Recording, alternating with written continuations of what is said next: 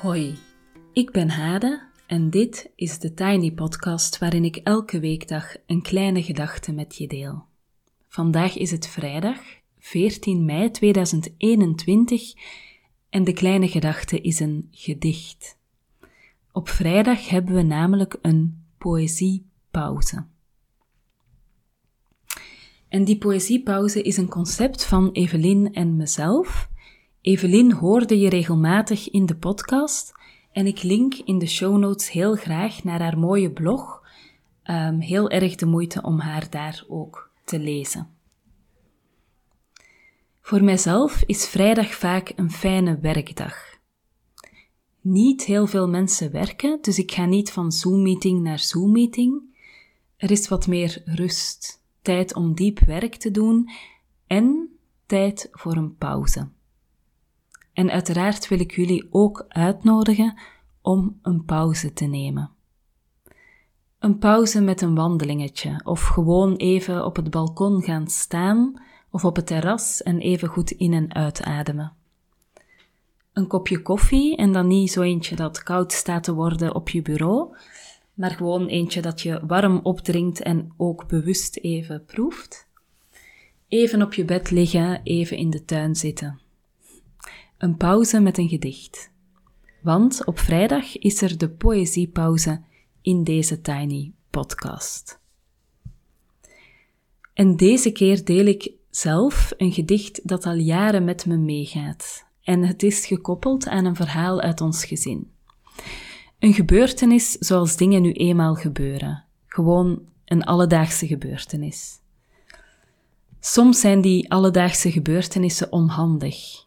Je doet iets, je hebt er niet echt over nagedacht of niet genoeg, of je hebt gewoon niet de juiste gedachten gehad of het fout ingeschat. Er zijn geen schuldigen. Er zijn alleen miniatuurtjes, momenten waarin iets kleins heel even in zijn allerpuurste vorm bestaat. Het gedicht is van Herman de Koning en ik begin met het gedicht en ik eindig met een tekst vrij naar hetzelfde gedicht. En het gedicht heet Poëzie. Poëzie. Zoals je tegen een ziek dochtertje zegt, mijn miniatuurmensje, mijn zelfgemaakt verdrietje, en het helpt niet. Zoals je een hand op haar hete voorhoofdje legt, zo dun als sneeuw gaat liggen, en het helpt niet. Zo helpt poëzie. Het is woensdag. Hij komt thuis. Op de tafel prijkt al de hele dag een doosje, gebracht door een man van de post. De bel ging, er werd naar de deur gestormd. Zo enthousiast ze dan zijn, zo stil zijn ze als de deur open is en daar een man staat. Een grote man met een klein doosje. Het doosje prijkt al de hele dag op de tafel. Maar we mogen geen post openen van andere mensen, dus wij wachten.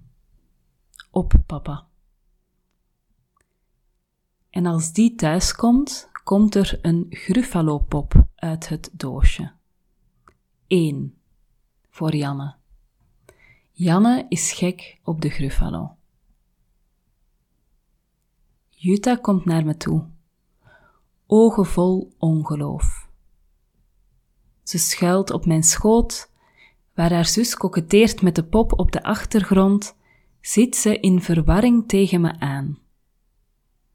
Ze wijkt naar achter, kijkt me recht in de ogen, steekt haar twee handjes op toont die smoezelige kinderhandjes aan me, met die lange, dunne vingers, en zegt: Mijn handen zijn leeg. Beschuldigend blijven die handjes opgestoken. Mijn miniatuurmensje, mijn zelfgemaakt verdrietje. Mijn miniatuurmensje mijn zelfgemaakt verwijtje. Mijn miniatuurmensje. Mijn miniatuurmensje. Hoe zelfgemaakt is ze eigenlijk? Ze kijkt me recht aan en ik denk aan de droom die ik had net voor ik zwanger werd. Waarin ik haar zag en in haar ogen keek. Ze had een geel jasje aan. Kom maar, zei ik. Kom maar gauw en breng je zusje mee. Meer dan haar zelf gemaakt heb ik haar uitgenodigd, ontvangen, gekoesterd, gevoed, gekleed, warm gehouden, gecorrigeerd, gewiegd, vervloekt soms midden in de nacht. Ik heb haar een jaar lang in mijn oksel laten slapen, omdat dat kleine onrustige miniatuurtje daar de veiligheid vond om wel te slapen. Mijn miniatuurmensje, mijn zelfgemaakt verdrietje. Er is een nieuwe pop besteld. Ook voor haar zal er een doosje komen met de post, een doosje met de grote, gevaarlijke muis. Er zal naar de deur gerend worden en woordeloos gestaard naar die grote man die een klein doosje brengt. En dan gaat het doosje open en is er de muis, de grote, gevaarlijke muis. Ik blijf die twee opgestoken handjes zien de handpalmpjes. Haar lange vingers, zo eigen aan haar. Lange vingers als van een vrouw. Smoezelige handjes als van de peuter die ze is. En het stemmetje. Mijn handen zijn leeg. Mijn handen zijn leeg.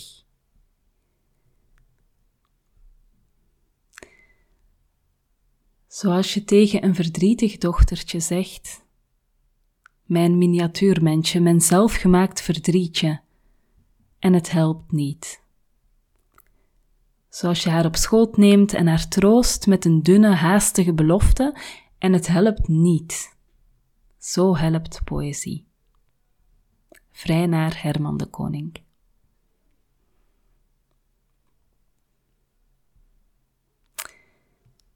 Tot daar. Wil je graag zelf eens een poëziepauze maken? Ik vond het eerlijk gezegd ook best spannend om te doen. Um, nou ja, er is al een hele reeks poëziepauzes geweest en dit is de eerste die ik zelf maak. Het is veel makkelijker om poëziepauzes van andere mensen uit te zenden, in te spreken, te monteren, dan om zelf ja, een poëziepauze te schrijven. Maar ik vond het ook echt heel fijn om te doen, uh, om iets in woorden te vangen. Voor de poëziepauze heb ik instructies die ik jou heel graag toestuur en ik spreek heel graag een deadline af met je. Mail me maar even, als je wil, op thetinypodcast.gmail.com. Mijn gegevens staan ook in de show notes.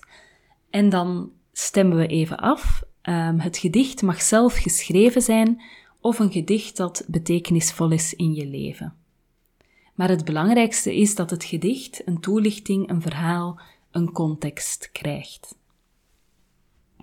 En tot zover voor vandaag. Je kan me volgen op Instagram, TheTinyPodcast. Als je je abonneert via bijvoorbeeld Google of Apple Podcasts, in Spotify of in je favoriete podcast-app, krijg je telkens de nieuwste aflevering in je overzicht. En dat is elke weekdag. Als je de podcast doorstuurt naar iemand die er ook graag naar luistert, of hem deelt op social media, help je mij om de podcast te laten groeien. Een fijne dag en alle goeds. Tot maandag.